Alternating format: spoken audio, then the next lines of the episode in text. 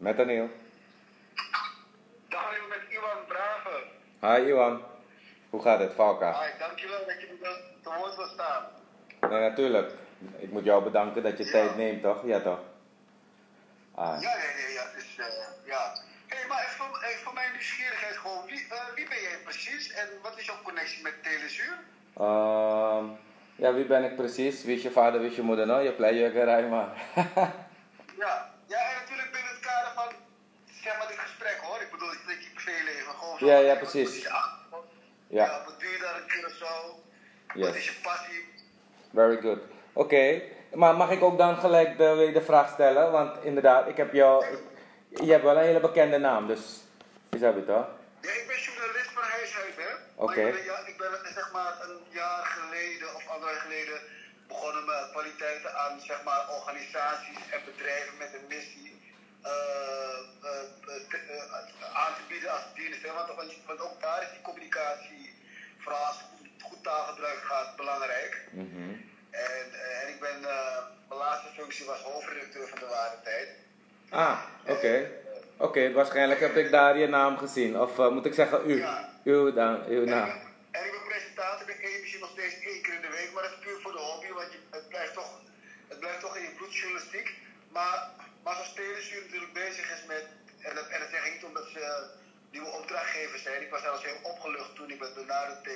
Mhm. En, ze, en ze hadden die thema dat ze waren met de digitale toekomst eh veiligstellen van Suriname. Was ik echt als ingezetene van het land heel erg opgelucht, want ik maakte me grote zorgen over onze eh, aansluiting op die digitale wereld, snap je? Ja, precies. En, en, en dan is het wel, ja, en, en dan vind ik het ook, eh, dan blijft het toch wel ook wel journa- journalistiek werk hoor. Ook al schrijf ik natuurlijk voor de opdrachtgever, maar het is wel belangrijk om die, die visie en die passie dan van Telezuur dan over te brengen. Hè? Dus, Ja, eh, precies. Heel goed. Nee, oké. Nice. Oké, nee, goed. Eigenlijk, maar eigenlijk ben ik even onbeleefd geweest, want jij stelde me een vraag en ik stelde je... Nee, eh, je moet recht op, is terecht, het is wederzijds. Ja alleen van ik stel vragen. Eh, nee, ik. eh, maar Nee, want, eh, kijk, want inderdaad, want we hebben elkaar niet eerder ontmoet, maar eh, Janice, die, die, ken ik van even dus de context en ook over mezelf. Eh Janice ken ik zeg maar vanuit haar functie zeg maar, bij Telezuur. En Mike Antonius zeg maar ook. Maar ik ken eigenlijk de, best wel veel mensen in de Telezuur-organisatie, omdat ik, want je vroeg me ook wat doe ik op Curaçao, dus ik ben geboren, even nog een beetje meer terug in de tijd, ik ben geboren getogen in Suriname. Dus eh, zeg maar, als je me googelt, eh, dan vind je me onder Anil van Marretraite. Dan, eh, maar, dat, maar dat is ook een beetje een grapje. In de zin van, we leven in een andere tijd en dan heb je dus ook een digitale dimensie, een digitale wereld daarin. Dat is een knipoog daarna. En, maar in ieder geval, ik heb heel lang in Nederland, ik ben daar gaan studeren in ieder geval. Ik ben- Ik daar best wel lang blijven hangen. En, dus ik was een soort van hangjongere. En, ehm, Ja. En, maar ik heb ook een tijdje in Dublin gewoond. Daar heb ik bij Oracle gewerkt. Dus eh, eh, zeg maar, daar heb ik eigenlijk, daar is het eigenlijk meer de fascinatie ontstaan voor, eh, voor niet, die, niet, niet, dat, niet dat bedrijf zelf alleen, waar ik voor werkte op dat moment. Maar het idee waarmee ze bezig waren, of waarmee wij bezig waren, dat internet, Ja. zeg maar. Dat fenomeen. Oracle, Oracle, iedereen kent dat bedrijf, zeg maar. De, de softwaregigant. Ja, precies, de gigant. En die CEO, founder, co-founder was hij toen, leeft nog steeds. Dus hij is een one handshake away was hij van, eh, van Steve Jobs. Ze waren gewoon matties. Dus weet je, ik, ik noem dit even, want dit is wel, mensen kunnen zich het bijna niet voorstellen, want ik vind het toch wel belangrijk om de bigger picture, want dat is ook tenminste de rol die ik graag zie, want je kunt over 5G en straks smart cities, als we gaan inzoomen, kan je op zoveel lagen communiceren en ook op heel technisch niveau. Het is iets technisch, want technology Ja. is dus die driver en maakt dingen mogelijk die voorheen onmogelijk waren, alleen maar in theorie en in science fiction.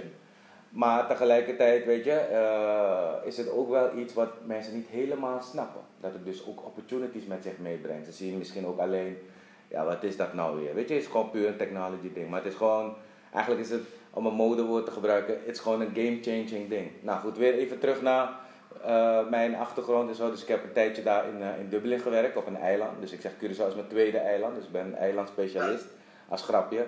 En, eh, maar toen ben ik teruggegaan naar Nederland en ik heb altijd voor Amerikaanse bedrijven gewerkt. En waarom? Dat, ja, dat was gewoon eigenlijk toeval.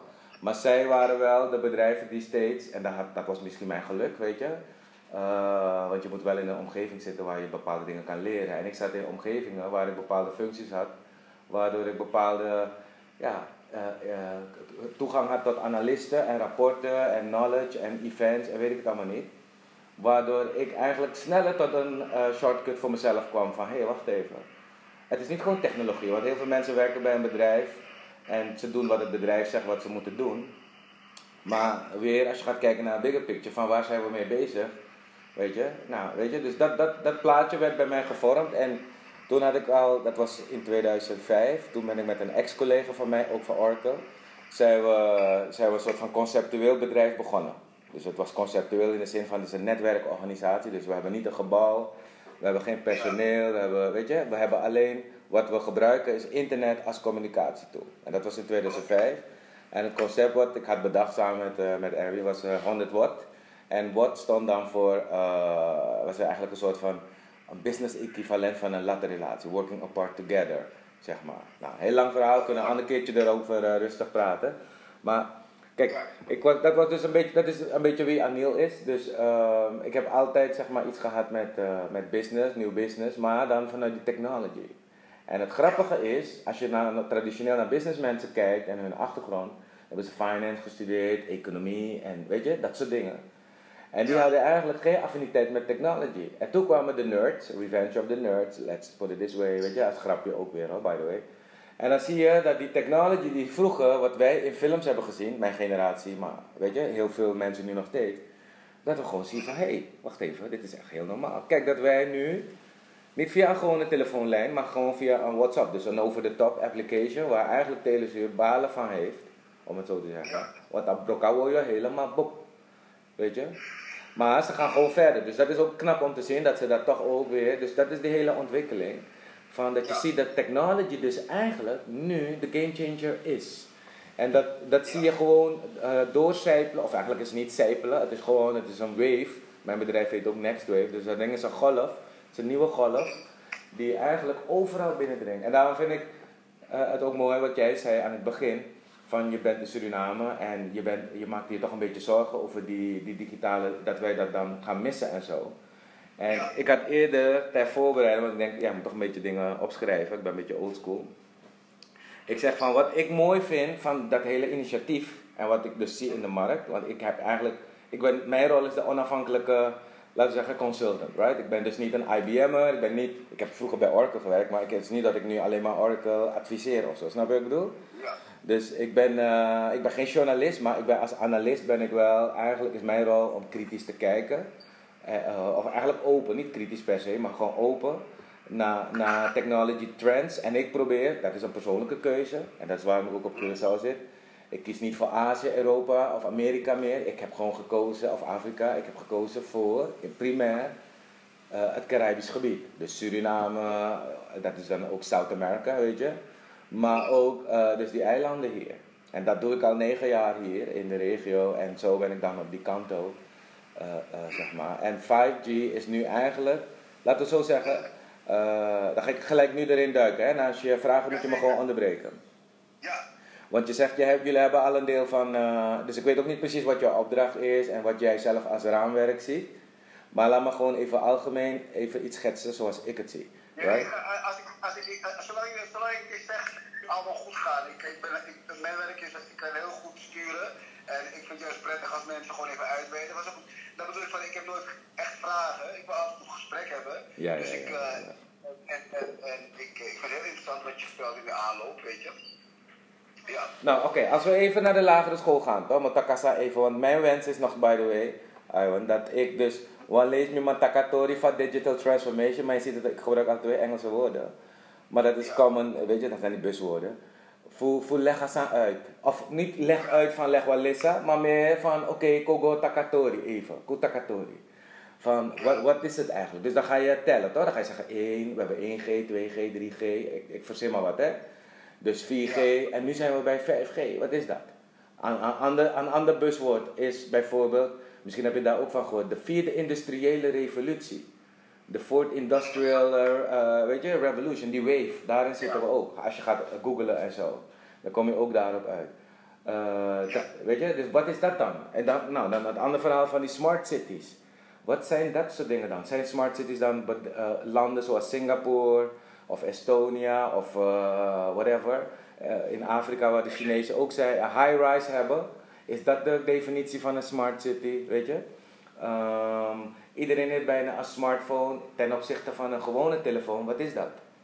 Weet je? Want het is dan meer dan communicatie, maar wat is die meerwaarde dan? Wat betekent dat? En nu is het met name primair ook interessant voor bedrijven geworden. Dat is dus het mooie van die 5G. En daarom is het knap. En daarom eigenlijk indirect feliciteer ik dan ook Telesuur met die stap. Weet je, dat, weet uh, al heb je niet nationwide 5, 5G meteen, want laten we, let's be real, maar je bent wel de eerste in de regio. En iemand moet de eerste stap zetten. En, en, dat laat dus wel, ik vind dat wel super interessant, want ik ben ook Surinamer, toch? Ik ben geboren getogen. En uh, dus uh, qua roots ben ik natuurlijk ook trots. Maar ik weet, dit is, dit is, maar dit is, we staan aan de vooravond dus eigenlijk. Het is niet het, het is geen eindpunt. En dat is het verschil met al die andere technologieën, zo'n beetje als ik mijn eigen research ook een beetje volg en interpreteer, want ik moet oppassen dat ik geen papegaai word, toch? Want heel veel mensen papegaaien, toch? Dan maak ai, daarin wordt tien keer sneller, honderd keer sneller. Dus iedereen praat elkaar na. En ik moet dat ook doen, want ik moet ook afgaan op bronnen. Publieke bronnen, Google enzovoort, en rapporten en zo. Maar ik moet daar wel filters op loslaten, want ja, maar marketingboodschappen daartussen. Toch? Van bijvoorbeeld dan heb je bedrijven zoals Huawei, om even gelijk direct dat ook te noemen, BAF. Is dat toch? En dan heb je de traditionele spelers, dus uh, zoals Nokia en Ericsson. Ne negen jaar geleden, even weer aside komen, maar wel relevant om te zien van verschuiving van bedrijven. Toen ben ik verhuisd vanuit Nederland naar Curaçao. Omdat ik dacht van oké, ik werkte vroeger bij Oracle en we hadden daar geleerd van anywhere, any data, anytime, weet je. Dus je kan met een laptop, met andere woorden vrij vertaald, kan je met een laptop op een beach zitten, aan een beach zitten. Uh, met internet en je kan gewoon een bedrijf runnen of onderdeel zijn van een team. Weet je? Wat een bedrijf uh, runt. Dus dat, dat, dat was waarom ik ook hier was en zo. En toen waren bedrijven als Ericsson en zo waren ook, misschien heb je van de Kanto gehoord, die conferentie. Ja, ja. De Kanto, toch, die organisatie? Ja, precies. Dus, uh, dus, maar zij organiseren dus conferenties en dan komt iedereen bij elkaar. Daar ken, dat, dat is dus de, de community waar ik ook in zit. En ook uh, voor spreek, zeg maar, uh, om de zoveel tijd, weet je? Dus over bepaalde topics. Um, waaronder dus die Smart City. En nou ja, om dan een verhaal te vertellen moet ik natuurlijk wel even wat research doen. Maar nu kwam ik dus weer naar die bedrijven weer, negen jaar geleden. Dus er was Ericsson, was de prime sponsor, de, de golden sponsor of de platinum or whatever you want to call it. Weet je? Want zulke events, daar heb je gewoon sponsors voor nodig, right? Dus ik heb ook een achtergrond in events. Uh, dus ik, ik snap dat model. En, uh, maar op een gegeven moment uh, zag je Ericsson niet meer, zag je Huawei als hoofdsponsor. En het is misschien raar om even daarover te praten, maar dit geeft dus duidelijk die shift aan ook in die power van technology. Dus waar die kracht zit, want in die slides, misschien heb je even tijd gehad om die slides van mij te zien, waar je dus, je ziet dus een verschuiving waar Amerika van oudsher degene was vanuit die military uh, industrie is internet en zo voortgekomen. En alle communicatietechnologie waar we nu gebruik van maken. Let's be real. Weet je, Oracle leverde ook aan het Pentagon, hun eerste database. Dus dat is het verhaal waarmee ze ook groot zijn geworden. Dus er is altijd een connectie geweest, maar iemand moet het financieren, die technology. Dus dat was Amerika. Uh, en uh, Europa had ook, en je hebt, by the way, je hebt IT-technology en je hebt telecommunication technology. Dat is weer helemaal anders by the way. Wat er nu plaatsvindt, ik geef je gewoon wat meer informatie. Hè. Moet een keer, misschien weet ik te veel uit, maar uh, ik, ik, ik vind het toch wel belangrijk omdat we dit gesprek eigenlijk vaker zullen moeten voeren op meerdere niveaus. Niet alleen in Suriname, maar eigenlijk in onze regio.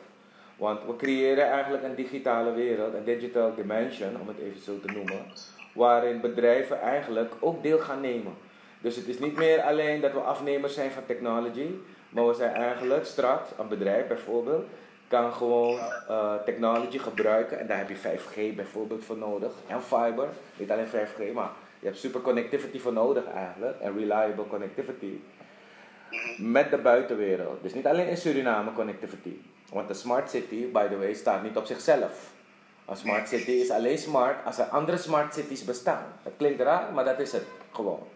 En net als één luchthaven op zichzelf niet kan bestaan, dan moeten er meerdere luchthavens op, de, op deze planeet zijn. Is dat weer dan met je met reis. Dus zo moet je daarin zien. Maar dit is heel moeilijk voor mensen voor te stellen. Daarom probeer ik mijn steentje bij te dragen om wel een visueel beeld te krijgen bij die wereld waarin we allemaal in begeven nu. Maakt niet uit of je in Sanang of je in New York of dat je in China bent. Door die telefoon, door die smartphone, eigenlijk niet die telefoon, want die telefoon is geëvalueerd. Door die, uh, door die smartphone en dus die internet capabilities kan iedereen eigenlijk, dus ook een klein bedrijf, maar ook jonge mensen uit het bos, laat me het even zo zeggen. Als ze eenmaal een goede connectie hebben, kunnen zij gewoon een multimillion dollar business of organisatie opzetten en runnen.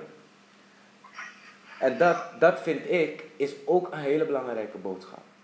Dus waarbij we niet alleen, en dit verhaal wordt eerder verteld, alleen je moet het goed kunnen implementeren, deze visie, die van die smart city, right? Um, is, is dat, want het is niet zo dat je, als je iedereen een smartphone geeft, dat we allemaal smart citizens zijn geworden. Want kijk, we worden ook dommer. Er is een keerzijde van die technology.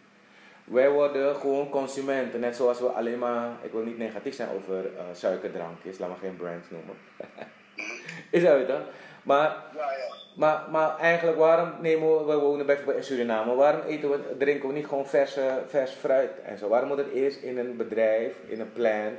Weet je, dat, dat zijn dus ook bewegingen, toch? Die opkomen. Ik zal hier ook niet over praten, maar als ik online kijk, wat er speelt op Netflix, ook wat voor films ze draaien, dan heb je ook van die bewustzijn uh, uh, films die je meer consciousness geven over wat eten we. En, weet je, dus het is niet alleen maar technology. Het is die... Maar kijk, want, sorry je even onderbreek. Ja, nee, tuurlijk. Hier heb je veel stations, dus met alle piraterij en al die filmpjes in de lucht plukken. Dus daarvoor heb ik Netflix niet nodig, want ik heb Netflix. Maar ik kijk Netflix, je hebt het heel mooi gezegd voornamelijk die documentaires die alleen maar de ene naar de andere is. En uh, ja, en uh, ja, dus ben ik helemaal met je eens. En ik ben even de naam vergeten, maar het, uh, ja, de, de, Great Hack. Zou je ook wel bekend zijn, neem ik aan, die documentaire. Zeker. En, nou, dat was... Ik, ik dacht, dit, ik heb het toevallig een maandje geleden gezien, hè. En ik was, ik, nog steeds denk ik, mag niet droog hoor. Ik heb zoiets van, hé, weet je wat. Ik, ik wil met die game meedoen. Jij mag mijn gegevens hebben omdat ik vind dat ik veel voordeel heb aan de dingen die ik voor terugkrijg. Hè? Ja, ja, ja, uh, ja. Met mensen is vaak geschokt. Ik, ik geloof, ik, ik, ik heb precies van alles wat ik op internet zet, weet ik gewoon, dat ben ik kwijt, is niet meer private. Ja? True. Dus dat is jouw personal, om het even te, uh, zeg maar, laat me zeggen zoals ik het zie, wat jij dus doet als citizen, want jij bent een, een, een citizen in de digital space, zeg maar.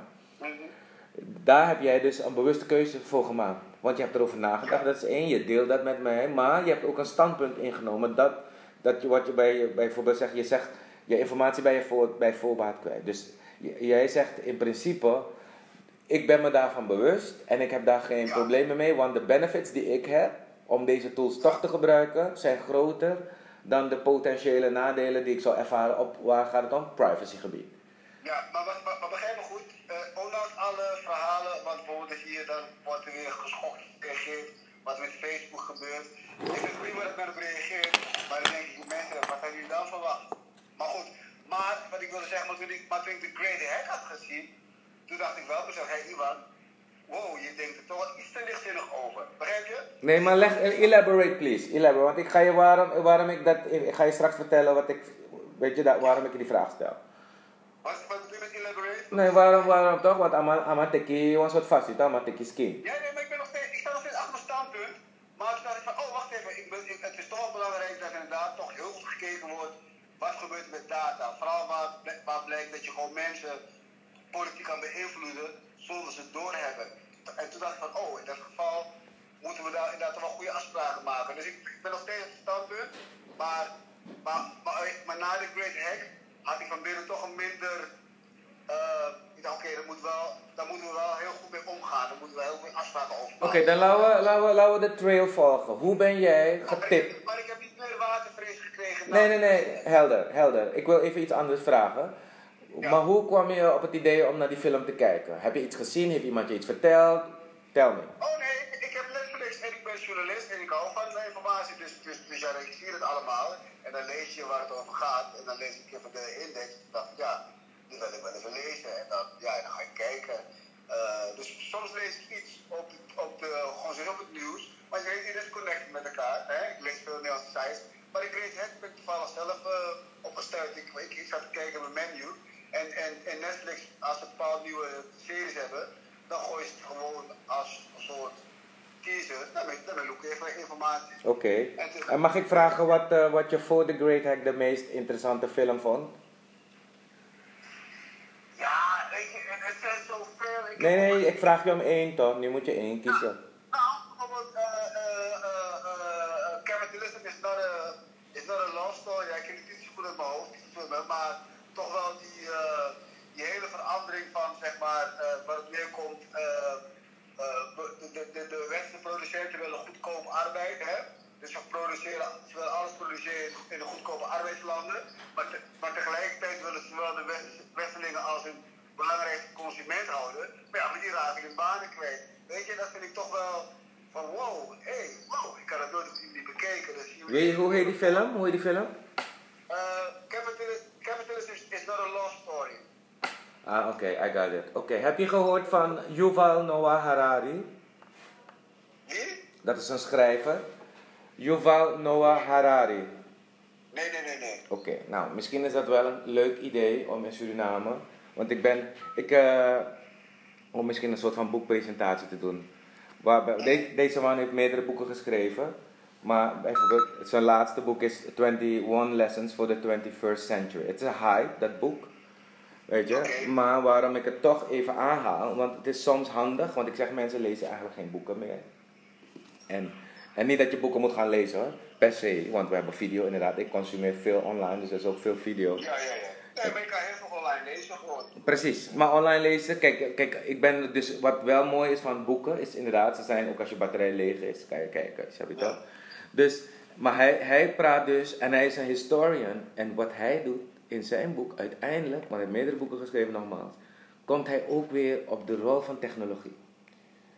En dat is wel interessant, want ik ben daar verder over gaan nadenken. Want kijk, ik heb geen economie gestudeerd. Ik heb mijn MBA in Wondé gedaan bij Ben Tegelaar, dus dat is gewoon leuk. Ik weet niet of die naam je wat zegt. Maar daar werden bijvoorbeeld Amerikaanse gurus erbij gehaald, business gurus. Weet je, Michael Porter enzovoort. Nou, dat zijn hele hoge namen en zo, of namen, of niet hoge namen, namen bekend in hogere kringen die met eh, economie en bedrijfskunde en weet ik het allemaal bezig zijn. Maar, in die, Ja. maar, maar Migo Denkatori, op mijn manier, dat is mijn lens, mijn filter, waarbij ik dan zeg van, maar wacht even, in die vijf krachten van hem, whatever die krachten gewoon zijn, staat er niet die kracht, dus technologie als een kracht. Maar ik bijvoorbeeld, ik heb natuurkunde gedaan. En daar, daar heb ik dan een soort van beroepsdeformatie waarbij je die dingen gaat interpreteren als een kracht. En een krachtenveld en een touwgetrek en waar gaat dat ding daar naartoe? Je hebt het toch? Dat is een soort mentaal model van de natuurkunde. En toen dacht ik van, dus als het een kracht is en de economen hebben dat niet meegenomen, dan zijn de modellen van de economen, die ze nu gebruiken, obsolet.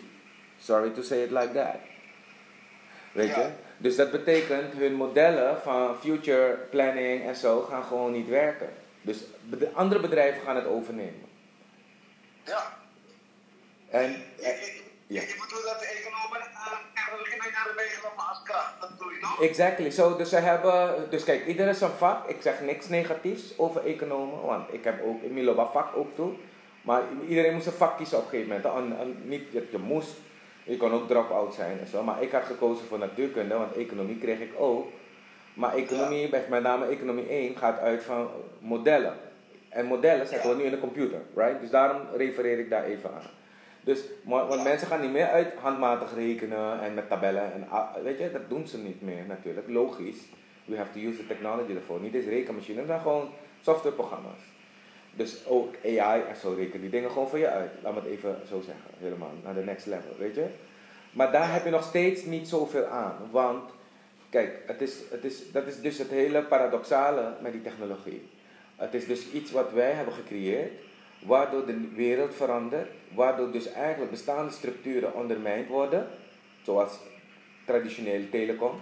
Telesur had al failliet kunnen zijn, bij wijze van, weet je wel. Ze zijn misschien ook failliet, ik weet niet wat de cijfers zijn. Ik kijk niet in de cijfers, ik kijk gewoon naar andere bewegingen. Het is- ik ben niet een accountant, snap je?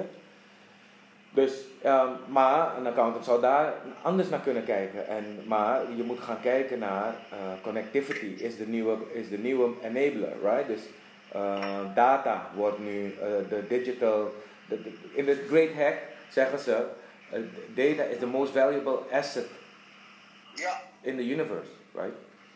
Dus dat is dus een hele change in, in, in, onze, in, in, onze, in onze denken. Die Great Hack, by the way. Dus die, De top 4 bedrijven zijn ook databedrijven, toch? dus kijk, alles wordt juist, exactly. Maar niet allemaal, want kijk, er is ook één, en nu komen we in de nuances van die wereld, want je hebt die Silicon Valley culture. Maar je hebt ook, en dat zeg, zeg ik ook, dat is een klasse die ik zelf heb ge- geïdentificeerd en benoemd, want het wordt, bestaat niet als categorie. De Orient Web, ik noem het even de Orient Web, en dat is dus China. Right? Want China heeft ook gezegd, zij gaan gewoon in 2025 hebben zij hun eigen onafhankelijke infrastructuur en technologie. On top of it. Ze willen niet Ja. meer afhankelijk zijn van deze bullshit van eh, die Amerikanen. Om het even zo te zeggen, ik zeg het even populair. Is dat het toch? Want Amerika snijdt Huawei de pas af nu. Terwijl Huawei eigenlijk een voorsprong heeft en daar is Amerika voor bang. En kijk, want ik zie het, ik heb het gewoon gezien negen jaar lang. Ik zou, ik zou ook geen Huawei-telefoon willen hebben, toen. Maar nu, net zoals ik geen Samsung wasmachine, of omdat ik ook geen Samsung-telefoon, omdat mijn moeder vroeger een Samsung wasmachine had. Ik zeg maar wat, hè. Ja. Maar die wereld is aan het verschuiven. Dus je ziet nu, en, en dat is wel weer interessant, weer naar die 5G en die smart cities. Dus om bepaalde dingen te doen, om, te, om die digitaal, om benefits te hebben, om mee te gaan in de vaart der volkeren, met alle risico's van dien, by the way, of ten aanzien van data en data, data privacy, is dit wel een soort van basispunt nu om mee te gaan in de next generations in the future societies. En dat is wel interessant. Want door deze stap is Suriname indirect, ook door die battle van Amerika en Huawei, ook interessant. Als case, als je, als je begrijpt wat ik bedoel. Of, om over Suriname te praten. En Guyana ook eigenlijk. Guyana vanwege die olie. Maar Suriname vanwege bijvoorbeeld de, de, de, de Safe City eh, project, weet je? En de controverse die daarmee eh, ook samenhangt. Er is niet alleen maar Hosanna. Is dat toch? Ja. Dus dat is ook... Ariel, houd aan. Mag ik je even terugbellen? De Sure. connectie wordt steeds slechter even. Ik ga even opnieuw- bellen. Bam, Dan, dan wil ik mij helpen. Het wordt steeds korriger, ja? bam, bam. Oh, oh, ik ben je meteen terug. sorry. Abong.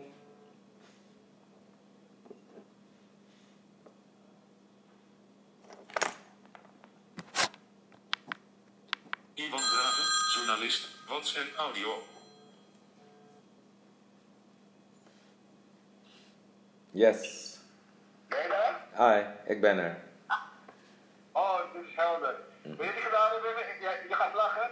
Ik heb even mijn wifi uitgeschakeld en ik, en ik heb hem gewoon op mijn LTE eh G4 gezet. En, het, en meteen is het uh.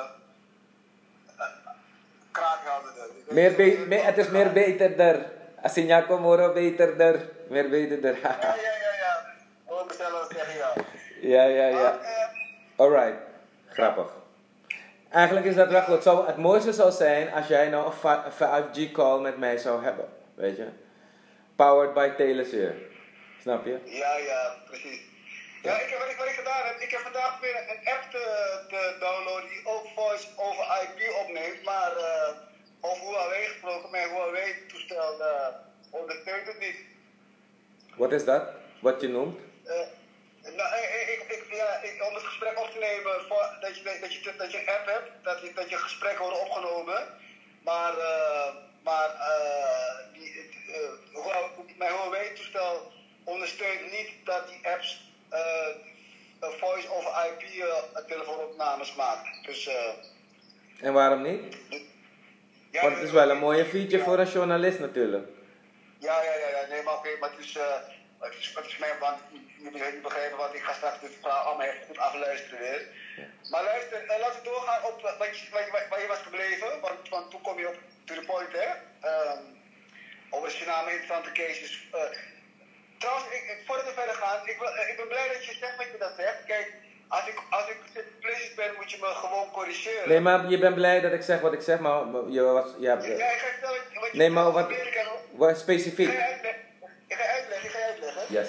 Uh, mijn visie op hoe Trump reageerde met Huawei en de spionage. Kijk, ik geloof alles graag, maar ik had ook zoiets van... Volgens mij hoor ik de dief roepen, hou de dief, als het gaat om spionage. Maar ik zeg tegen mijn vrienden, kijk, ik heb het hier verdiept, maar, maar, maar zolang, zolang Amerika me niet hard aantoont wat er aan hand is, dan denk ik toch dat eh, Amerika gewoon eh, die hete aarde een wijze nek voelt. Dus wat je gaat doen is het dan maar, eh, is het dan maar zeg maar black. Om, om, ik, zie, ik zie de reactie van Amerika echt als een paniekreactie. Ja, ja, dat is het ook. Dat is het ook. Kijk, ik ben naar Stanford geweest, hè. Huh? Ik ben naar Stanford geweest en eh, naar de Silicon Valley Inspiration Journey Tour, toch? Zeg maar. Ja. Eh, ik, ik was daar zeg maar ook mee na, naartoe. En het was best wel interessant. Ik ben ook naar YouTube geweest. Kijk, eh, YouTube was een independent start-up en Google Ja. heeft hun overgenomen. Dus bedrijven die briljante ideeën hebben, worden ook opgegeten. Zoals WhatsApp is ook opgegeten eigenlijk. Is niet op, overgenomen, is ook gewoon opgegeten. Want die druk, je moet verkopen, maar als je het niet verkoopt, maakt Facebook maar direct een kopie van je morgen. Weet je, in principe kunnen ze dat gewoon. En, Ja. eh, maar ze doen het netjes, want het is allemaal eh, venture capital industry. Waar daarachter zit. Dus, maar, en kijk, die venture capital vanuit Silicon Valley was lange tijd de motor achter alle innovatie. Cisco bijvoorbeeld. Cisco eh, heeft een router. Dit is het verhaal, ik weet niet of het waar is. We kunnen het een keer eh, fact-checken. Als je wilt samen. Dus eh, als voor een andere keer. Maar het is wel leuk om te weten. Want kijk, Cisco, net wat je zegt, de dief zegt houd de dief. Cisco sch- schijnt een router te hebben. Een of 101 router of zoiets. En dat is dus die router die Huawei zou hebben gekopieerd. Nogmaals, je Ja. moet even exacte fact-checking doen, ook naar de nummers en zo, de getallen en de types. Want misschien is het ook gewoon een urban legend, by the way. Maar, is dat het toch? Dus, en, die, en, die, en die router heeft dus, hebben ze gewoon gekopieerd. En daar wordt nu van gezegd, ja, ze hebben een backdoor. Maar als je het gekopieerd hebt, dan heeft het origineel toch ook een backdoor. Right? Dus inderdaad, het is interessant. Maar ik vind dat leidt eigenlijk een beetje af van de werkelijke discussie. Snap, snap je wat ik bedoel? Want dat is inderdaad op heel hoog niveau een soort van nieuwe software war. Dat heb ik ook in mijn presentatie verwerkt. Maar daar gaat de gewone burger niet aan kunnen tippen en uitkomen. Daar heb je niks aan eigenlijk op gewoon microniveau. Op macroniveau is het leuk dat we het zien. Het is net als een voetbalwedstrijd. Suma olaya bal. Suma winna kop. Cup. Is dat het toch? En, en dus daar zie je met die The Great Hack, zie je dat hele toffe documentaire by the way, is dat het toch? Daar zie je dus dat met software penetration in, jou, in, in systemen je mensen eigenlijk, dus kiesgerechtigden via social media, dus publieke media, van tevoren, een jaar lang van tevoren, anderhalf jaar via onderhuidse propaganda, maar dan digitaal. Dus? Ik, ben, ik ben niet op dat niveau opgeleid, dus ik, ik weet het niet Ja. precies, maar ik, kan, ik snap wel communicatie. Ik, ik, ik heb communicatiewetenschappen ge- als specialisatie, Ja, zeg wat, maar. wat, wat, Dus, waar ik vooral van schrok was niet zozeer dat ze fake nieuws verspreiden. nee. Want, want maar ze juist wel echte nieuws verspreiden. Alleen brengen ze dat, als ze weten bijvoorbeeld, je bent bang voor de opkomst van blacks, zeg maar wel, of Latino's, ja, dan, dan gaan ze je gewoon berichten sturen waarin die opkomst ook wordt benadrukt. En daar schrok ik van. Eh, dat was mij een nieuwe dimensie. Oh, want, want je denkt meestal, men verspreidt fake news, maar het is niet dat ze fake news verspreiden, maar ze gaan je nog meer nieuws eh, toesturen, waardoor jouw verontrusting nog groter wordt, waardoor je zegt, hé, hey, dan ga ik maar inderdaad voor extreem recht stemmen. En dat, en dat, en dat was mij echt, dat, toen, toen dat punt kwam, toen was ik echt even wakker. Ja, ja, ja, ja. Dus dan, dan, dan zie je, dan heb je een deep dive even genomen in de, de waarom van die fake news. En, en kijk, wij leven in een tijd van information overload. Kijk, technology was vroeger, zo werd het genoemd, liberating technologies. Deze technologieën. Mobile technologies, wireless, right? Dus wireless geeft je het voor. Dus dat is weer even, dat is even wel even belangrijk, dat we toch even daarop inzoomen. Kijk, je hebt die wireless technologies en je hebt die fixed technologies met kabels en zo. Maar kabels geven al aan waar het letterlijk zijn, ze, beperken je vrijheid. En wireless vergroot je vrijheid. Dus die mobile internet is belangrijker aan het worden dan de physical fixed internet. Het klinkt raar, want je zou zeggen internet is internet. Ja, mobile is wat belangrijker, ja. Snap je wat ik bedoel? Dit, dit is ook een nuance die super van belang is, want wat dit allowt bedrijven, ik praat even Engels daar, it allows companies to, to capture and monetize on this. Dus zij kunnen nu eigenlijk high-speed internet, zonder dat er fiberconnectie bij hun in hun bakabini jari is, kunnen ze in Ja. principe gaan utilizen. Dus je kan bijvoorbeeld een, een, een video eh, game center in the middle of the jungle van Suriname gaan plaatsen. Wa Wakanda game, Kutakasan zo. Ja, Echt in het bos met virtual reality, augmented reality, 4K. En dat er geld erin involved is met e-sports en zo. Snap je? Dat kan je faciliteren. Dat klinkt misschien far-fetched, maar het kan gewoon. Het is gewoon. Het is niet far-fetched. Het is far-fetched als je geen imagination hebt. Dus die, Ja. dus die 5G, daar zit een G van wat ook in imagination zit. Laat me het even zo zeggen. Ja, Je toch? Dus die technology biedt imagination de kans om te gaan monetizen. In de goede zin van het woord. Je kan negatief gaan monetizen, inderdaad. Je kan data gaan harvesten en mensen gaan manipuleren voor verkiezingen. Dat is inderdaad, dat ga je niet kunnen ondermijnen. Die Cambridge Analytica case, ik, toen ik daar voor het eerst over hoorde, dat was voordat die film dus uit was, want die Great Hack is daarna gekomen, was ik al, dacht ik van wow. En heb ik daar, heb ik ook al in, in een presentatie in Suriname over verteld. En, eh, maar in de voorbereiding, toen ik dat noemde, kende niemand kennelijk nog in Suriname dat ding van Cambridge Analytica. Dus, dus die, dat soort nieuws, die wave, had Suriname nog niet bereikt. In ieder geval niet in de, in de mainstream kringen. Maar nu, kijk, jij praat nou over de Great Hack. Dus dat betekent die Cambridge Analytica case, dus de rol van Facebook in political ads en campaigns. En, de shift die dat kan brengen, als je het vergelijkt met traditioneel eh, stemmen en verkiezingen en campagnes. Dus de macht, hè? Hoe, hoe krijg je de macht? En eh, is anders nu dan vroeger. It's very simple. Dus, dus, het is, dus, dus ik ben ook, eh, om even dat, dat onderwerp gewoon toch even nog een laag verder te nemen. Ik dus, naar analogie van wat we noemen die OTT. Hier, moeten we misschien een keer, dit, hier moet je, dit moet je nog niet in je artikel verwerken voor, voor die 5G. Per se, eh, Johan. Even, dit is dan even, eh, even wel een belangrijke noot, maar kijk. Wat, wat, wat er gaat gebeuren is dat die connectivity ervoor zorgt dat over de top technologies de dienst gaat uitmaken. Over bestaande infrastructuur. Dus Telesur gaat 5G uitrollen samen met Huawei, hun technology partner om het zo te noemen. Ja toch? En, en Huawei zien we, is by the way, voordat Telesur die beslissing had genomen, ze hadden die beslissing al genomen, sorry, voordat Trump dus eigenlijk eh, Huawei in de ban heeft gedaan, en, Ja. nu, en nu met eigenlijk licenties, aparte tijdelijke contracten, tijdelijke contracten, mag Huawei wel zaken doen. Dus ze zijn niet helemaal on hold gezet. Snap je? Het is een selectieve keuze nu. Dus Huawei mag zaken doen, maar alleen maar met selectieve bedrijven. Alle andere bedrijven, die, dus met andere woorden, Trump regelt zijn Tory met, met, met, met China en Huawei. Snap je? Dus Ja. Huawei is niet geband. En dus Telesur heeft eigenlijk al een keuze gemaakt voor Huawei. Dus dat maakt Suriname zeer interessant. Ik vind het interessant vanuit mijn, weet je, view. Maar als, ik, ik ben, laten we zeggen, mijn- mijn mijn title is Chief Philosophy Officer. Dus dat vind ik dan super interessant. Want dan denk ik van, oké, wauw. Suriname heeft eh, een, een, speciale positie ingenomen. In, in die hele geopolitieke eh, powerplay van waarin technology de game changer is voor die great hack enzovoort. het was ook interessant, want toen het nieuws kwam, dacht ik, wow. Want wat waren juist ook al die informatie gegeven over de Safe City. Toen dacht ik van, ja, je gaat zien dat, eh eh dat er heel snel nog gaan zeggen van, zie je wel, China zet hier ook een spionagenetwerk. Maar ik, ik denk er niet zo over. Ik, eh ik, eh, It's so be it, maar wie is die spionage? Kijk, de Google heeft alle data al. Punt.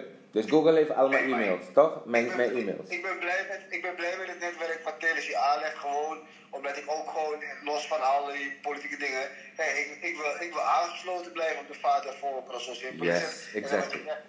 Ik wil niet per se in Europa moeten wonen om mee te willen doen en alles. Ik ben blij dat, hey, ik ben, ik ben in Suriname, zoals jij daar eh, op de eilanden bent.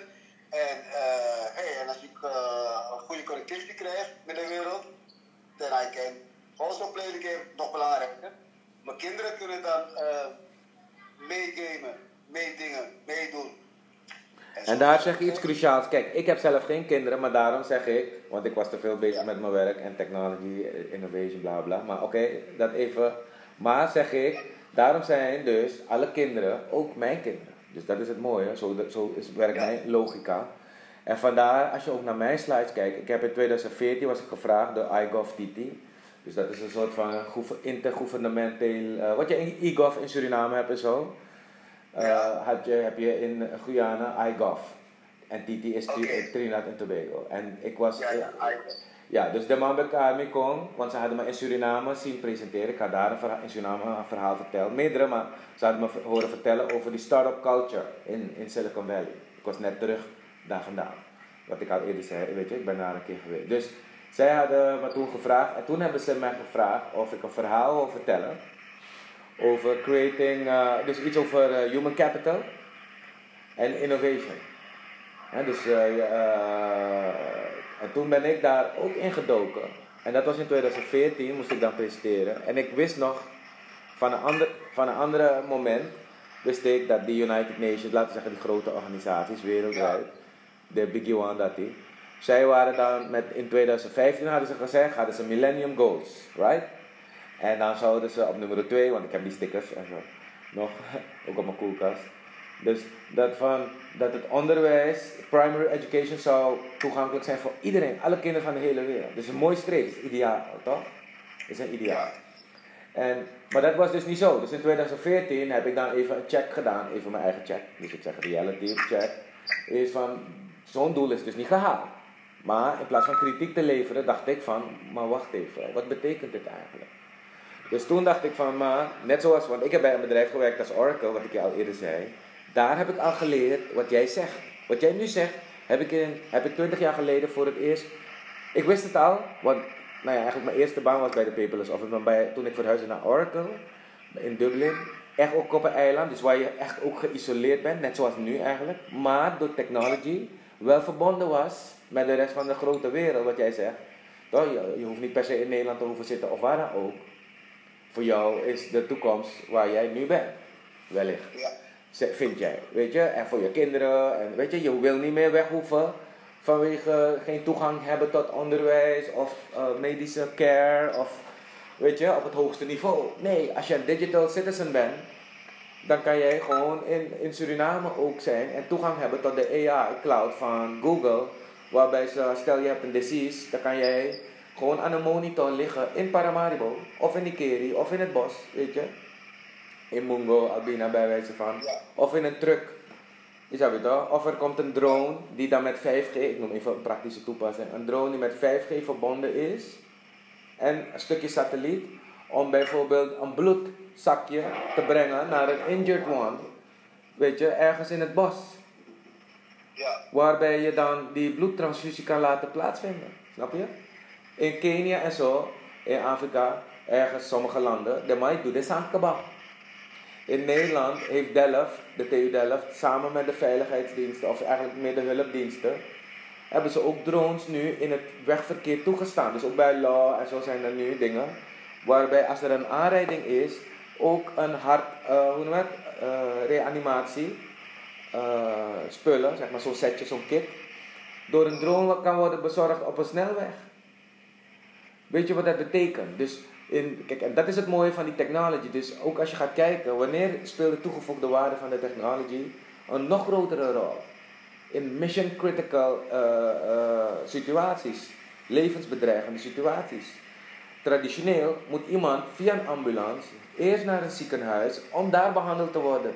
Maar wat als je die ogen en die oren en die handen van die arts van het ziekenhuis kan verplaatsen naar die drone? Toch? Dan kan een hulpassistent, een nurse, een person, een- weet je, kan met een beetje medische achtergrond, dus het hoeft geen arts te zijn, kan met supervisie van zo'n arts op afstand een bloedtransfusie helpen of een, weet je, whatever. I don't know, ik ben geen medisch specialist, right? I'm just, I'm just Ja. thinking van, en je- dit soort cases zijn niet far-fetched, ze gebeuren er al. Dus deze dingen zijn real voor ook in Suriname. Er moeten bedrijven opstaan nu die zeggen, hé, hey, we gaan daarin pionieren. We zoeken venture capital, of we hebben al capital, en we gaan daarin pionieren, weet je? Want de gewone economie is toch aan het verschuiven. Ja. We gaan naar een toeristeneconomie. We gaan naar een, een diensteneconomie. Want dat is wat die digitale wereld mogelijk maakt. Diensten op afstand. Want bijna iedereen, mijn moeder ook, heeft ook een smartphone. Mijn moeder, ik heb voor dit gesprek heb ik ook een, een soort van voorgesprek gehad met mijn moeder. Ja toch? Dus ik moet haar toch even Ja. de credits geven. Want mijn moeder is, ze is juf geweest, OS, maar retraite. En OS is openbare school vroeger. Maar ik maak een grapje. OS is operating system, weet je. Ja, ja, ja. Is dat weer toch? Dus, en mijn moeder zegt van, kijk Aniel, mijn moeder is juf geweest, dus ze kan het ook aan mij zeggen. Al ben ik haar, je weet hoe Surinaamse moeders sowieso zijn, en vaders ook je, Al ben je, weet ik veel hoe oud, ze zien je nog steeds als kind. Toch? Dus dat is, dat is een plus. Dus mijn moeder zegt zo tegen me, Aniel, kijk, we hebben die smartphone, maar we gebruiken het alleen maar om te whatsappen en zo. Maar wat nu als ze bijvoorbeeld meer medical eh, support kunnen krijgen? Ja toch? Dus, Ja. kijk, en ik ben, ik was laatst in Suriname. Daar heb ik trouwens, mocht ik ook een presentatie geven. En daar heb ik die, die film waar jij het net over had, heb ik die trailer laten zien, The Great Hack. Oké. Ja, want ik dacht van, ik vind het toch belangrijk om iedereen dit even te laten weten. En daarom vind ik het zo fantastisch toen jij me daarover begon te vertellen. Ik denk, ik ga nog niet zeggen. Is dat niet? Maar dat geeft gewoon mij aan van, ah, dan zitten we op hetzelfde niveau daar over het onderwerp na te denken. Want ik heb die presentatie dus, ben ik begonnen eigenlijk eh, met, met een deel over mijn achtergrond. Maar toen heb ik die, meteen die video laten zien, die trailer. Omdat dat Ja. meteen de kern raakt van alles. Meteen, bam. Ja. Hey, maar eh, eh, ik zag ook een, eh, eh, wat, wat, wat ik vooral belangrijk vind, hè, eh, vooral we een beetje eigen beeld van Suriname. Dat ik zeg, hè, van, eh, we zijn geen hypermodern land met hypermoderne infrastructuur zoals Singapore of Amsterdam of New York. Eh, eh, maar hoe kunnen, we, hoe, hoe, kunnen, wij toch al heel snel, of ja, ons- hoe- belangrijk is het toch voor ons om dat Safe City idee al toe te passen in, in, in, in, in, in Paramaribo? Nou, Safe City is, wat ik heb begrepen, al toegepast. Ik heb, eh, ik heb ook foto's eh, weet je, gemaakt en zo. En ik ben ook naar alle beurzen geweest. Ik bedoel, sorry, ik zeg ik bedoel Smart City, excuus. Ja, nee, precies. Want Safe City is er al, inderdaad. Dus voor mij is... Smart, smart City. En je gaat wel goed foto's van die drone. eh, eh, want ik probeer, al- ik probeer vooral die context, want ik kan wel steeds mooie dingen zeggen. Ja, nee, Eh, precies. Je mag gerichte vragen stellen, Iwan. Want maar het- ons, land, maar ons, land, ons land is gewoon nog niet zo ver. Dus ik, dus Nee, dat is dus een misunderstanding. Sorry, ik moet je interrupten. Ja, nee, graag. Ik wil daar even, want je heet Bravo, dus ik wil daar ook je bravery eh, op aanspreken, toch? Eh, Snap je? Ga, ga je gang. Hey, kijk, kijk, kijk, even één ding. Kan je, kan je iets doen? Eh, Jij, eh, ik weet niet, je, je, je, je geluidsvolume valt een beetje weg. Kan je iets, is er iets wat je aan kan doen waardoor ik eh, je krachten kan blijven horen? Ja, ja, je wil me opnemen tegelijkertijd, want ik hoor allerlei piepjes, journalist. En je wil ook dat ik eh, harder praat in die mic, I don't know. Ik praat al heel hard. Nee, nee, nee, nee. We hebben, we hebben- we hebben een beetje pech met de verbinding. Dat, dat gebeurt ook wel eens. Soms is de verbinding gewoon... Anders moeten we ophangen en nog een keer bellen, want dat denk ik helpt wel, heb ik gemerkt. Ja, laten we het doen. Yes, om de zoveel tijd. Dit is nou een walkie-talkie.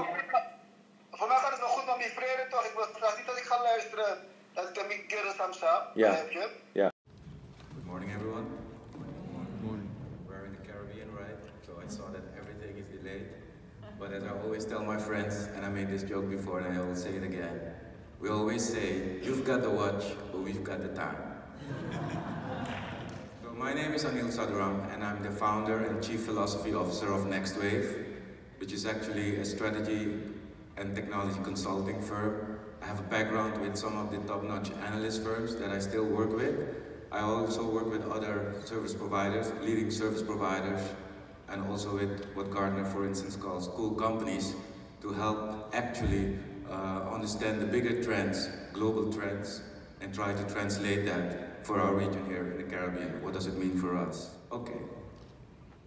In the beginning, there was the word, right? And one day, that word was written down. As we know, that was the start of civilization as we know it now again. I'm talking about the bigger picture here. So, back then, we used to write on clay, clay tablets. If you look back, these clay tablets are actually archives, our first archives, or the first library, you could say. And they were also used for accounting purposes. Let's say they were the first ledger.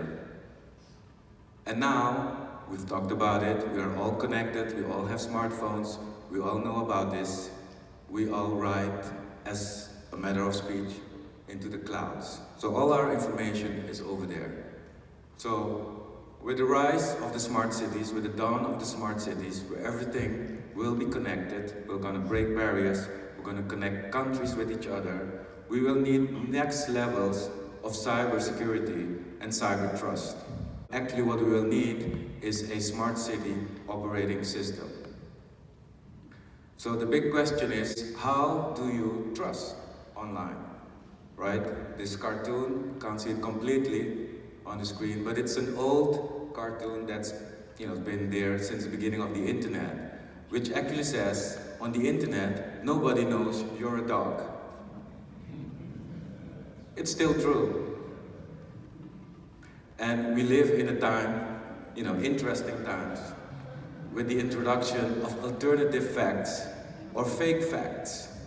So who to trust? To make things worse, technology is exponential.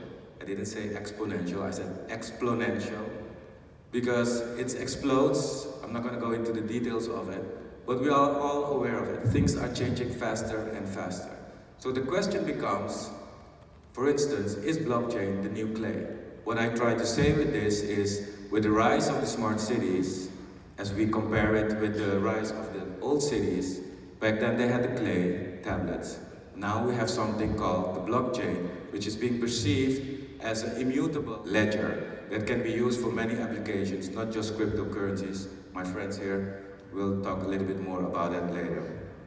I'm not necessarily a blockchain evangelist, so the position that I'm trying to take as a chief philosophy officer is ask the right questions. So the question that I have, for instance, with the technology upcoming, like blockchain, is to understand if it's a hype or if it's real. This is the hype cycle of Gardner. A lot of technologies are being uh, are coming out of labs, uh, out of the universities, and they create a buzz. They create a trigger. The venture capitalists are jumping on it but not all the expectations from the beginning are met in the end. So that's a whole process. It's, uh, it's very interesting. I can, uh, you know, if you want to know more about it, I can dive into it. But the bottom line is also when it comes to uh, uh looking at the hype cycle, is also understanding when something is relatively new. It also means that companies that are investing in it maybe not exist in five years from now. So also with your planning uh, when you want to do some investment, you have to take this into consideration.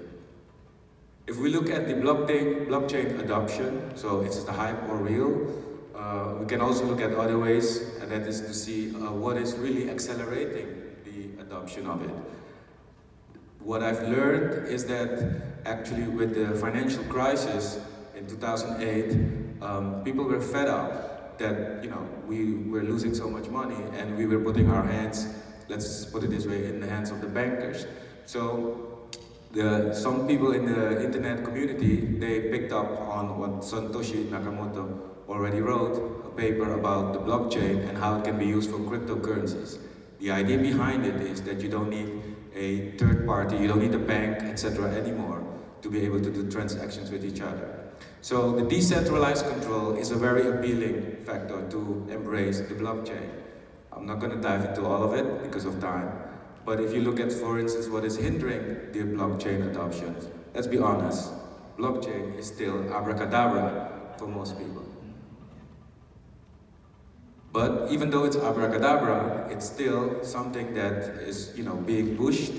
Uh, there's a lot of developments, there's a lot of uh, service providers already offer, for instance, notary services, identity management services, etc., etc. Again, it's not just cryptocurrency, it's much more. These guys will talk about it. If we look at some, at some numbers, overall numbers, I looked at several analysts. This one, this number comes from Gardner. Um, the numbers that you are seeing here are not necessarily associated with the blockchain technology only, but the impact that the blockchain will have on the industry as a whole. These numbers are, you know, you cannot conceive them I mean, trillion, how do you conceive what it means? But let's say in five years' time from now, we will see, most probably, a lot of mature blockchain applications. If you have more questions, um, please send me an invite via LinkedIn uh, or talk to me here while I'm here. Happy to, uh, you know, talk a little bit more about it. It was also mentioned, uh, Jerome and I, we created uh, white video instead of a white paper. It's on the Kanto side, so you can always, because it's on demand, you can also watch it in your own time. Thank you.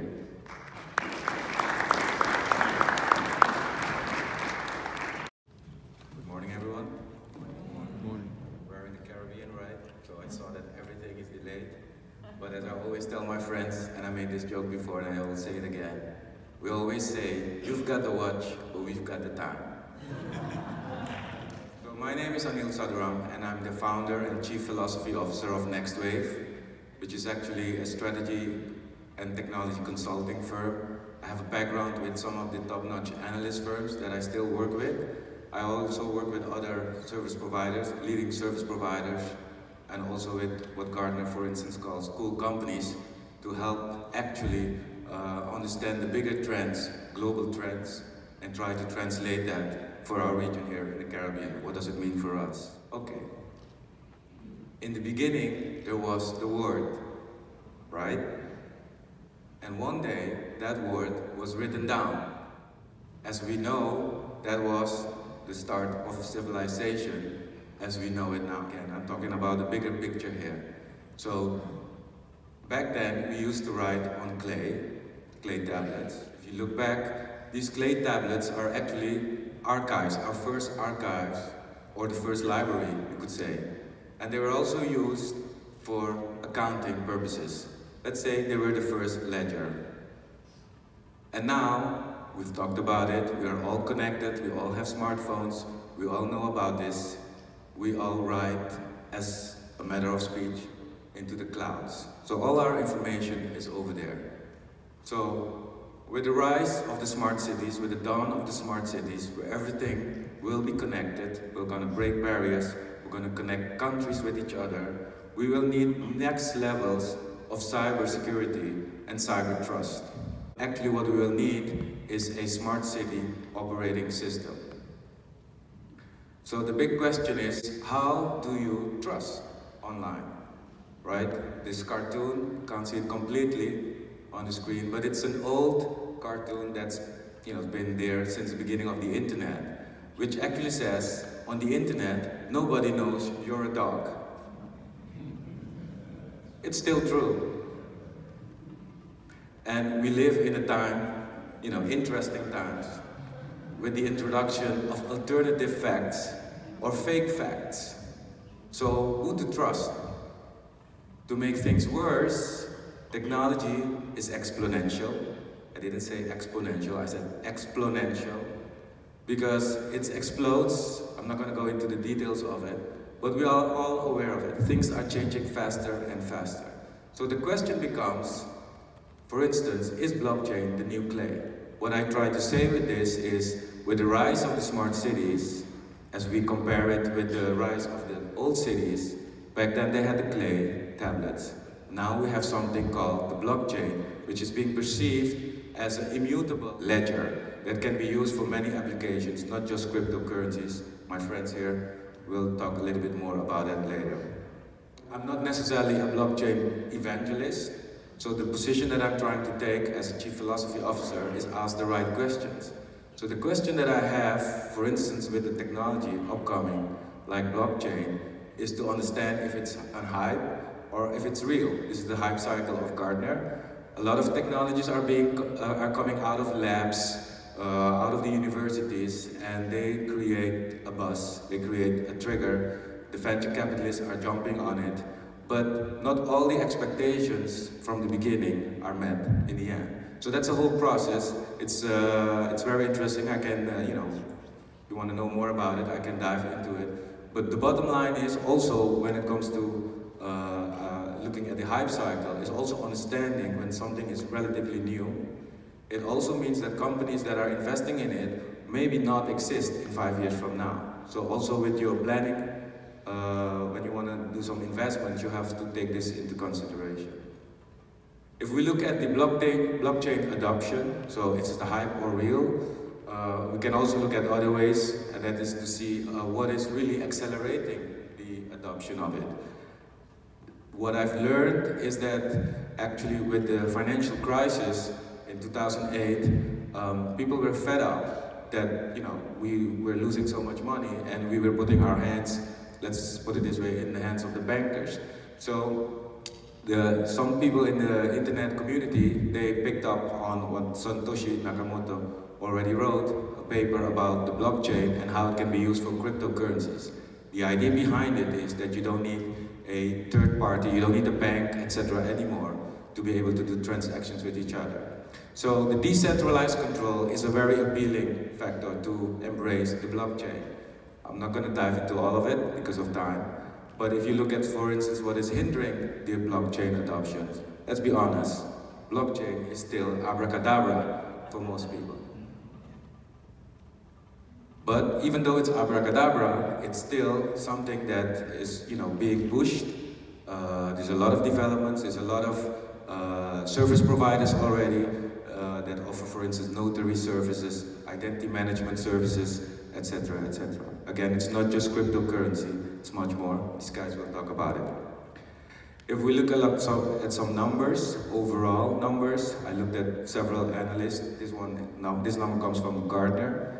Um, the numbers that you are seeing here are not necessarily associated with the blockchain technology only, but the impact that the blockchain will have on the industry as a whole. These numbers are, you know, you cannot conceive them. I mean, trillion, how do you conceive what it means? But let's say in five years' time from now, we will see, most probably, a lot of mature blockchain applications. If you have more questions, um, please send me an invite via LinkedIn uh, or talk to me here while I'm here. Happy to, uh, you know, talk a little bit more about it. It was also mentioned, uh, Jerome and I, we created uh, a white video instead of a white paper. It's on the Kanto side, so you can always, because it's on demand, you can also watch it in your own time. Thank you.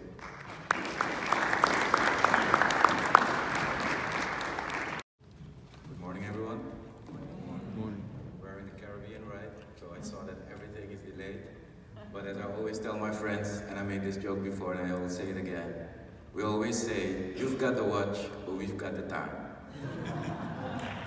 so my name is Anil Sadhuram and I'm the founder and chief philosophy officer of Next Wave, which is actually a strategy and technology consulting firm. I have a background with some of the top-notch analyst firms that I still work with.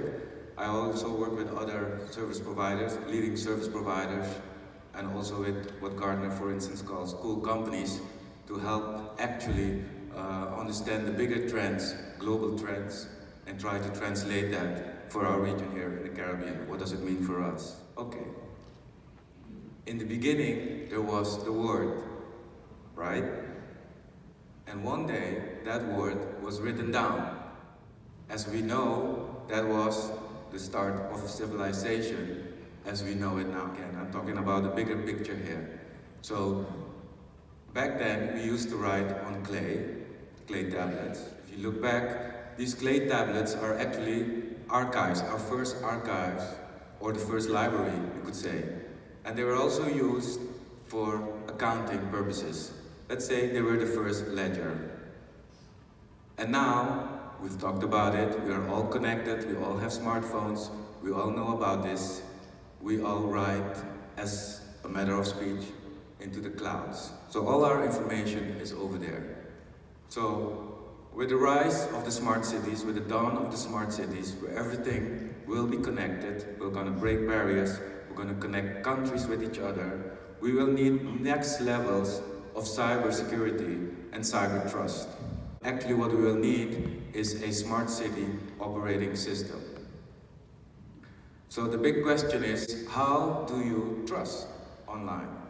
Right? This cartoon, can't see it completely on the screen, but it's an old cartoon that's you know been there since the beginning of the internet, which actually says, on the internet, nobody knows you're a dog.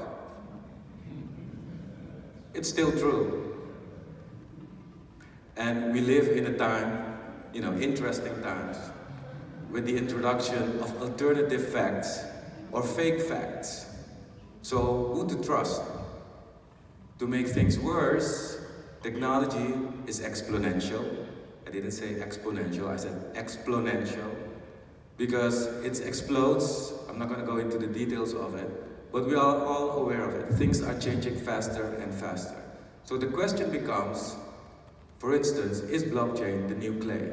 What I try to say with this is, with the rise of the smart cities, as we compare it with the rise of the old cities, back then they had the clay tablets.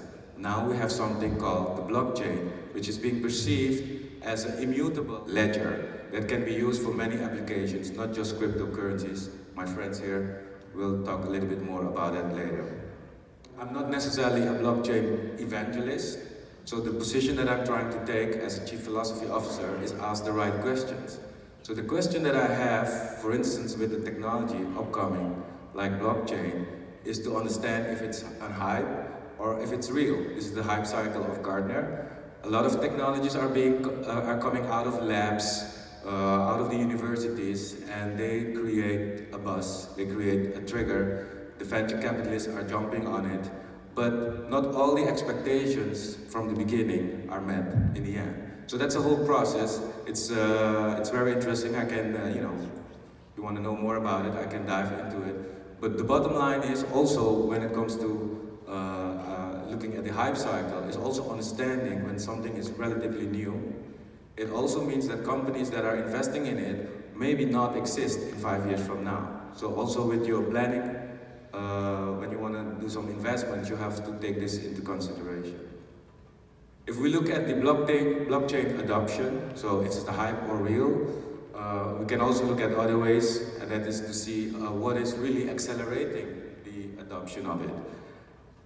What I've learned is that actually with the financial crisis in 2008, um, people were fed up that you know we were losing so much money and we were putting our hands, let's put it this way, in the hands of the bankers. So the, some people in the internet community, they picked up on what Satoshi Nakamoto already wrote, a paper about the blockchain and how it can be used for cryptocurrencies. The idea behind it is that you don't need a third party, you don't need a bank, etc. anymore to be able to do transactions with each other. So the decentralized control is a very appealing factor to embrace the blockchain. I'm not going to dive into all of it because of time. But if you look at, for instance, what is hindering the blockchain adoption, let's be honest, blockchain is still abracadabra for most people. But even though it's abracadabra, it's still something that is, you know, being pushed. Uh, there's a lot of developments, there's a lot of uh, service providers already uh, that offer, for instance, notary services, identity management services, etc., etc. Again, it's not just cryptocurrency, it's much more. These guys will talk about it. If we look at some, at some numbers, overall numbers, I looked at several analysts. This one, now this number comes from Gartner. Um, the numbers that you are seeing here are not necessarily associated with the blockchain technology only, but the impact that the blockchain will have on the industry as a whole. These numbers are, you know, you cannot conceive them. I mean, trillion, how do you conceive what it means? But let's say in five years' time from now, we will see, most probably, a lot of mature blockchain applications. If you have more questions, um, please send me an invite via LinkedIn uh, or talk to me here while I'm here happy to uh, you know talk a little bit more about it. It was also mentioned, uh, Jerome and I, we created a, a, white video instead of a white paper. It's on the Kanto side, so you can always, because it's on demand, you can also watch it in your own time. Thank you.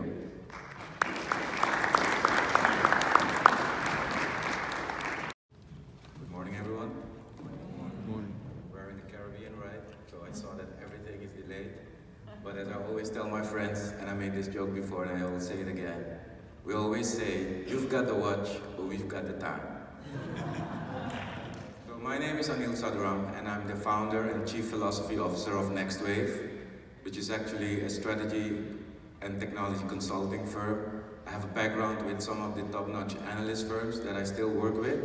I also work with other service providers, leading service providers, and also with what Gardner, for instance, calls cool companies to help actually uh, understand the bigger trends, global trends, and try to translate that for our region here in the Caribbean. What does it mean for us? Okay. In the beginning, there was the Word, right? And one day, that Word was written down. As we know, that was the start of civilization as we know it now again. I'm talking about the bigger picture here. So back then we used to write on clay, clay tablets. If you look back, these clay tablets are actually archives, our first archives, or the first library, you could say. And they were also used for accounting purposes. Let's say they were the first ledger. And now, we've talked about it, we are all connected, we all have smartphones, we all know about this. We all write as a matter of speech into the clouds. So all our information is over there. So with the rise of the smart cities, with the dawn of the smart cities, where everything will be connected, we're gonna break barriers, we're gonna connect countries with each other, we will need next levels of cyber security and cyber trust. Actually what we will need is a smart city operating system. So the big question is, how do you trust online? Right? This cartoon, can't see it completely on the screen, but it's an old cartoon that's you know, been there since the beginning of the internet, which actually says, on the internet, nobody knows you're a dog. It's still true. And we live in a time, you know, interesting times, with the introduction of alternative facts or fake facts. So who to trust? To make things worse, technology is exponential. I didn't say exponential, I said exponential. Because it explodes, I'm not going to go into the details of it, but we are all aware of it. Things are changing faster and faster. So the question becomes, for instance, is blockchain the new clay? What I try to say with this is, with the rise of the smart cities, as we compare it with the rise of the old cities, back then they had the clay tablets. Now we have something called the blockchain, which is being perceived as an immutable ledger that can be used for many applications, not just cryptocurrencies. My friends here will talk a little bit more about that later. I'm not necessarily a blockchain evangelist, so the position that I'm trying to take as a chief philosophy officer is ask the right questions. So the question that I have, for instance, with the technology upcoming, like blockchain, is to understand if it's a hype or if it's real. This is the hype cycle of Gardner. A lot of technologies are being uh, are coming out of labs, uh, out of the universities, and they create a buzz. They create a trigger. The venture capitalists are jumping on it, but not all the expectations from the beginning are met in the end.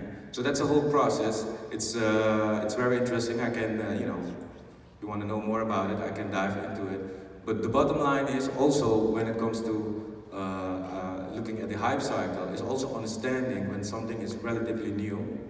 It also means that companies that are investing in it maybe not exist in five years from now. So also with your planning, uh, when you want to do some investments, you have to take this into consideration. If we look at the blockchain, blockchain adoption, so is the hype or real, uh, we can also look at other ways, and that is to see uh, what is really accelerating the adoption of it. What I've learned is that actually with the financial crisis in 2008, um, people were fed up that you know we were losing so much money and we were putting our hands, let's put it this way, in the hands of the bankers. So the, some people in the internet community, they picked up on what Satoshi Nakamoto already wrote, a paper about the blockchain and how it can be used for cryptocurrencies. The idea behind it is that you don't need a third party, you don't need a bank, etc. anymore to be able to do transactions with each other. So the decentralized control is a very appealing factor to embrace the blockchain. I'm not going to dive into all of it because of time. But if you look at, for instance, what is hindering the blockchain adoption, let's be honest, blockchain is still abracadabra for most people. But even though it's abracadabra, it's still something that is, you know, being pushed. Uh, there's a lot of developments, there's a lot of uh, service providers already uh, that offer, for instance, notary services, identity management services, etc., etc. Again, it's not just cryptocurrency, it's much more. These guys will talk about it. If we look at some, at some numbers, overall numbers, I looked at several analysts. This one, now this number comes from Gardner. Um, the numbers that you are seeing here are not necessarily associated with the blockchain technology only, but the impact that the blockchain will have on the industry as a whole. These numbers are, you know, you cannot conceive them. I mean, trillion, how do you conceive what it means? But let's say in five years' time from now, we will see, most probably, a lot of mature blockchain applications. If you have more questions, um, please send me an invite via LinkedIn uh, or talk to me here while I'm here. Happy to, uh, you know, talk a little bit more about it. It was also mentioned, uh, Jerome and I, we created a white video instead of a white paper. It's on the Kanto side, so you can always, because it's on demand, you can also watch it in your own time. Thank you.